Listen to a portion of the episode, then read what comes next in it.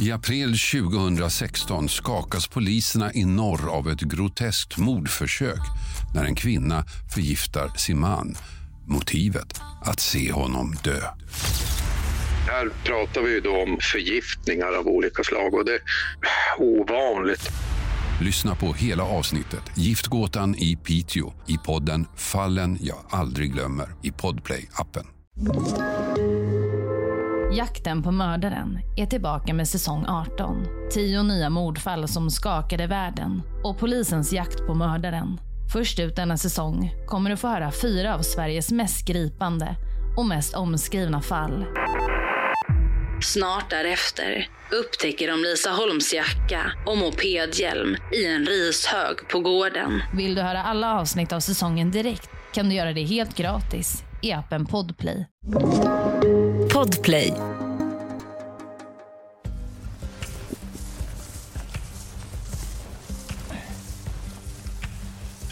Baggen här som ni får se dess strålande utseende. Just det, just det. Titta, en tallsvärmare ser jag direkt. Det är vad vi har. Den är ju inte störst i Sverige, din bagge. Jag tog fram ett exemplar och stack fast i en av mina lådor. Ja, man kan börja på fundera. Det finns ett liv efter döden. Om det ska det handla i detta åttonde avsnitt av Naturlycka. Alltså det ska handla om det myller av svampar, tickor, skalbaggar och andra viktiga kryp som har sitt hem i skogens döda ved, i stubbar och lågor, alltså liggande träd. Så naturvårdaren Ola Jannersten och jag, Lisa Tallroth, vi är på utflykt igen. Och vi ska träffa någon som Ola har pratat om, ja, sen första gången jag träffade honom. Och nu är vi äntligen här i Nås, intill Västra Dalälven i Dalarna. Och vem är denna märkvärdiga människa?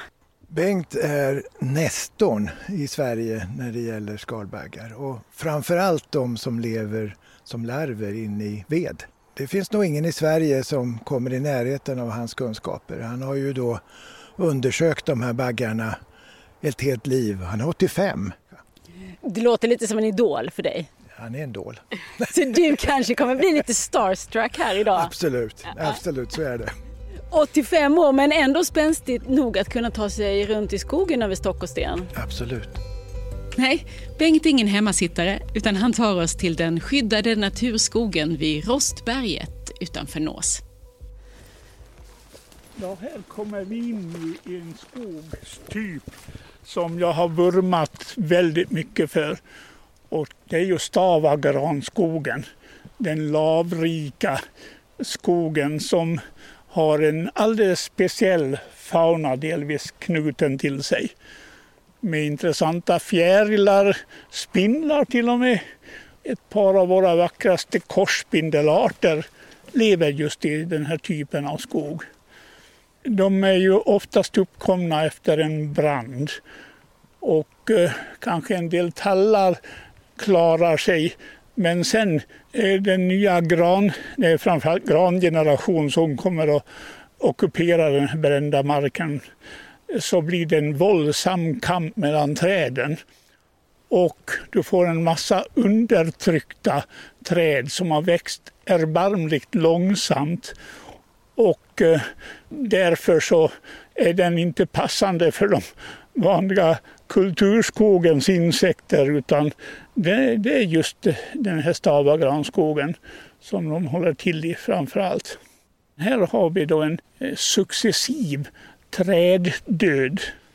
Om det här skulle vara en skogsskötsel då tar man ner det snabbt som sjutton ja, och visst. planterar nytt. Oh ja, oh ja. Det här är ju inte sån där skog som folk skulle tänka promenadskog. Nu klättrar vi över stock och sten. Ja, för det är ju vi. ganska tätt och det är inte Men- helt enkelt att ta sig fram. Det är väl mer då Bauerskog. Trollskog.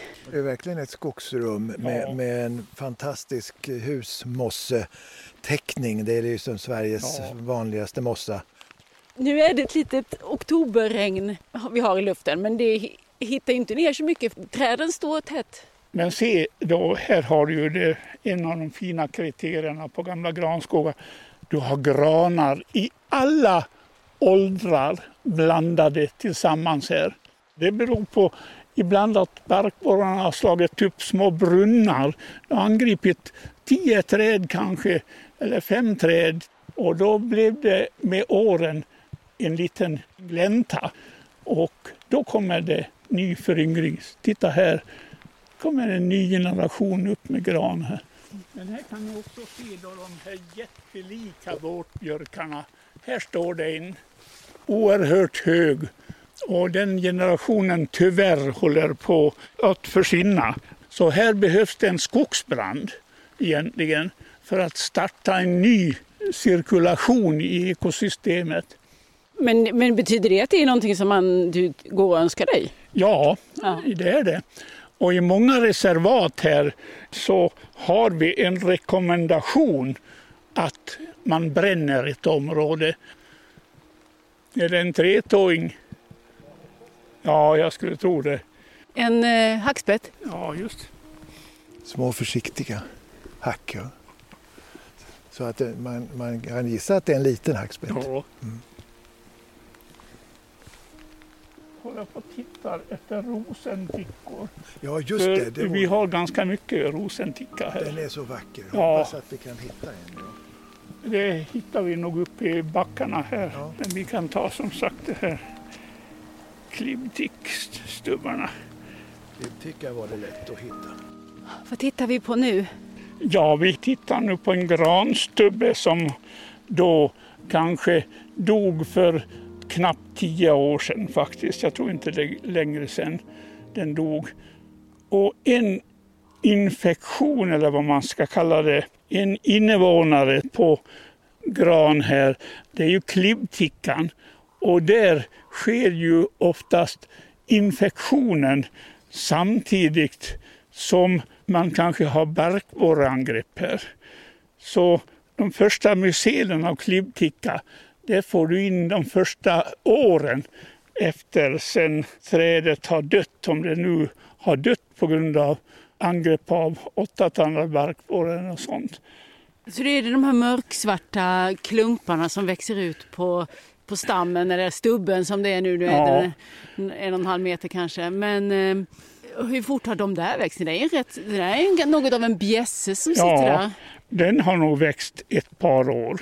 Klipptickan tror jag kan växa kanske tio år i alla fall. Vi har ju tickor i Sverige som kan växa i 20-30 år innan de dör. Det är ju då fruktkropparna, mycelet, som skickar ut de här fruktkropparna. Det kan stanna mycket länge i ett träd här. Det kan stanna i lågorna här också, har vi säkert klibbtickmycel. Och det är ju så att klibbtickan, det är ju en ticka som äter upp cellulosan och spar då ligninämnena här. Bröt du loss en bit? Det gick ja. väldigt lätt. Det bara oh, föll oh, isär allting. Oh, ja. Och det blir ofta små kuber.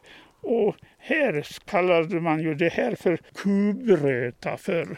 Medan har man vid bioltickan en annan mycket viktig i skogen här. Eh, det är ju en ticka som äter upp ligninämnena och spar cellulosan istället så då får du vitrötad ved. Så de här två olika röttyperna på gran, det är de som styr hela den här mångfalden sen av skalbaggar och av lavar och mossor och allting eh, så småningom. Sen startar ju klibbtickan också successioner av insekter som sagt. Så när klibbtickan, nu då den lever, är det mängder med små, små skalbaggar framför allt, så kallade fuktbaggar och mögelbaggar som då utnyttjar sporerna. Det är mycket näringsrikt tydligen. Så går du ut och lyser i början av juni på natten här med ficklampa så dels är det ganska otrevligt för sporerna ramlar hela tiden som vita små moln, glesa moln. Och sen får du in sporerna väldigt lätt i ögonen. Så det känns alltså, de skaver. Men där kryper då fullt med små baggar och skördar av de här sporerna här. en del baggar av de här svamplevande arterna har ju speciella käkar, byggnad, för att fånga upp sporerna och tugga dem sen. Så att eh, det är en mycket intressant värld. Nu tänker jag på när du och jag, Ola, stod med näsan i en komocka. Jajamän. Och du sa att här bara i denna hög med kobajs finns det ungefär 400 arter, eller kan finnas. Mm. Vad skulle man kunna dra till med något motsvarande här? Vad tror Ja, kanske 50 arter minst är möjliga just i detta successionsstadium vi har här. Och då frånser vi barkborrarangreppen och alla gäster och parasiter alltså runt barkborrarna här. För det är ett avsomnat kapitel i hög grad sedan kanske 5, 6, 7 år tillbaks här. Hur många år av liv har den kvar, den här döda stubben, innan den är fullständigt utplånad? Ja, 20 år till eh, skulle jag nog tro att den kan leverera mat åt insekter och svampar och bakterier, kanske ändå längre. Vi har ju stamdelen här och här är det kanske inte så många insektsarter kvar eh, som möjligen i markfaunan som har gått upp här. För vi har en hel del kortvingar och andra skalbaggar som eh, gärna huserar under mossan på sådana här gamla lågor också. Men man ser hur fort skogen tar tillbaks. Här har vi till och med en gran tror jag som kommer som sån här lå- låga föryngring som vi kallar det. Att de här gamla stammarna levererar en ny generation av trädplantor. Den är ganska allmän här. Beroende på om de står upp och ligger så är det ju helt, två helt olika miljöer, eller hur? Ja. Torrare på stubben som står och fuktigare på stammen som ligger på marken. Och, och olika arter då som, Jo, ja, som, det. som finns i de här två. Visst. Så därför är det viktigt att man både har stående döda träd och liggande döda träd. Ja, visst, visst. Men det, alltså, rådet då till en skogsägare är väl då det enklaste. Gör ingenting, låt, dem, låt dem ligga kvar. Det stämmer absolut. Gör ingenting och då, och då elda upp din skog. Jo då, det är en fördel också, åtminstone partiellt elda upp. Jag förstår att den är lite svår att sälja in den, Jo. det upplägget. Nej, Men det hade varit biologiskt det kan, utmärkt. eh, Länsstyrelserna föreskriva för många reservat.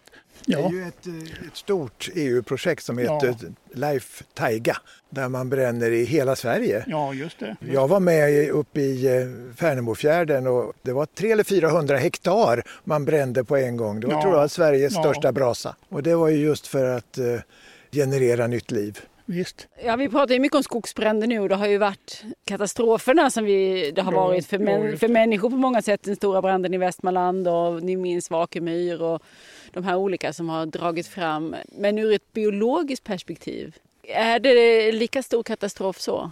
Nej, tvärtom. Alltså ur ett ekonomiskt perspektiv för markägarens plånbok är det en katastrof. Jo, Men jo. biologiskt så är det en nyfödelse Jo, och en förutsättning för den biologiska mångfald som finns i skogen. Alltså störningar, vare sig det är brand, stormar eller barkborrar, Ja, det är en ja, välsignelse Ja, för just. många arter. Vi har ju skalbaggar som man eh, praktiskt taget enbart hittar på brända träd. Och vi har ju en art som heter sotsvart prackbagge som är ett sånt där bra exempel. Alldeles i samband med branden så dyker de upp i brandfältet och, och parar sig med ena foten i glödbranden praktiskt taget. Så det är glödande kärlek kan man säga. Some like it Ja. hot som vi säger på engelska.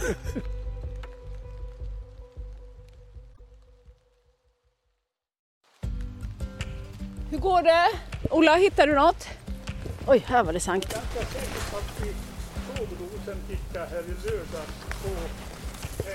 Nu har vi startat en jakt på rosenticka. Jag vet inte ens vad jag ska titta efter. Får jag se?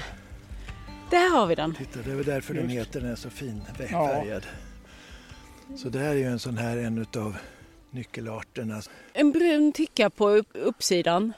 Men om man vänder på den så är den Ja. Så, så där, rosenskär. Ja, så den går neråt den här fina vackra. undersidan. Den här eh, regeln som finns för avverkningsskogen, att man måste lämna kvar en viss andel död ved efter sig på hygget. Om du hade fått göra om det där arbetet, skulle du ha krävt mer då? Ja, det, det som är det värsta det är ju vad är det för död ved du sparar? Vad jag söker det är ju stora lågor, stora grova, sakta växande träd. Det är de som är de mest värdefulla. En sån här liggande stam erbjuder ju mängder med små nischer. Om det är klenare virke, snabbvuxet virke, dels bryts det ner betydligt snabbare och sen så är det i många fall för klent alltså.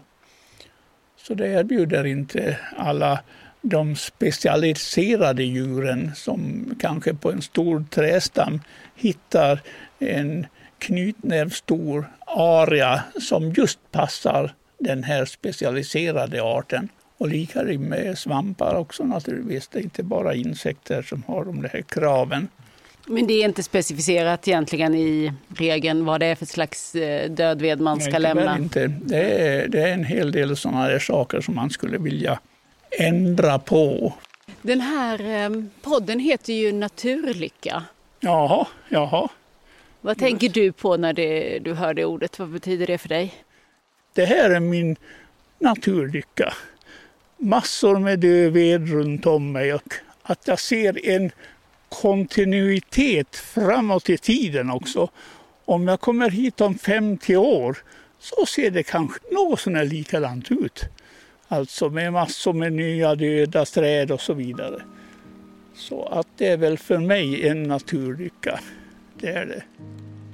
Jag undrar om det där är ullticka på undersidan av den där granen. Vi ska se. Var det den du tänkte? Nej, på undersidan.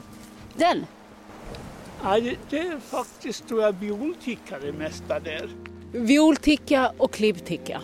Det är de två viktiga nedbrytarna. Hur många tickor finns det? Säkert ett par hundra arter av tickor minst.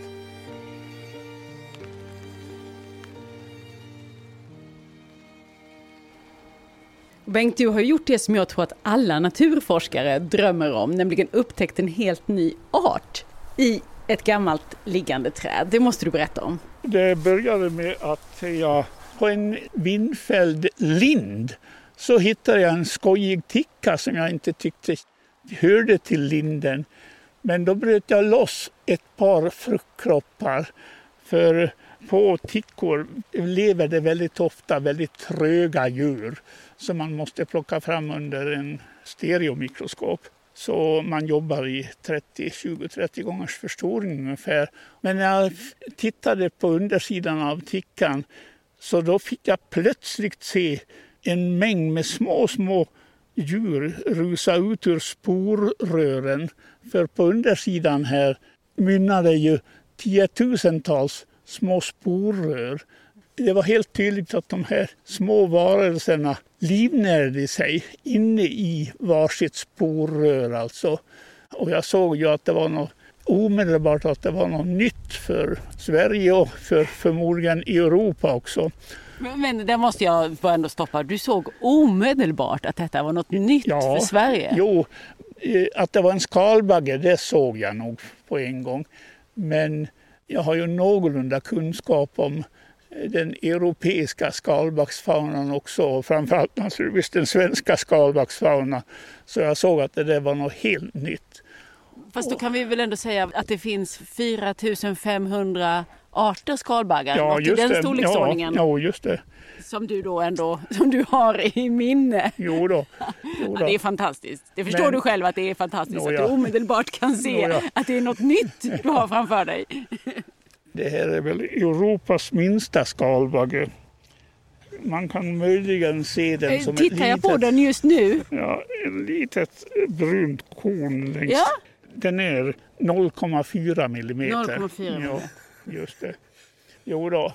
Ja, den brukar kallas för Enströms dvärgfjädervinge. Enströms dvärgfjädervinge. Jo. Men den måste man stanna upp ordentligt om man ska se, för den var väldigt Ja, liten, det var den. Eftersom vi har förstått att arter försvinner Ja, ja just det. och, och då ja. kan en, en art vara en sån här liten, liten rackare som du visade mig Ja, nu precis, ja din skalbagge. om den har nog exklusivt levnadssätt så födosubstraten blir så pass glesa så att eh, de inte kan finna varandra. Eh, Då, då är det ju stor fara att arter försvinner. Och kan du hjälpa mig att förstå vad problemet med det är? Det är just eh, möjligheten att många arter är nyckelarter fast vi inte känner till det.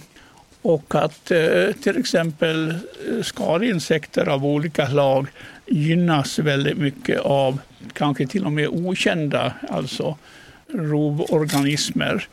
Vi har ju hela den patologiska delen med sjukdomar också på insekter. Så att det är mycket eh, luckor att täppa igen kan man säga. Ola har glömt att vi gör en podd nu. Han har blivit fotograf istället. Ja. Nu har han, släpper han fram stora utrustningen. Men eh, vi, vi fortsätter att podda här Ola, om det är okej.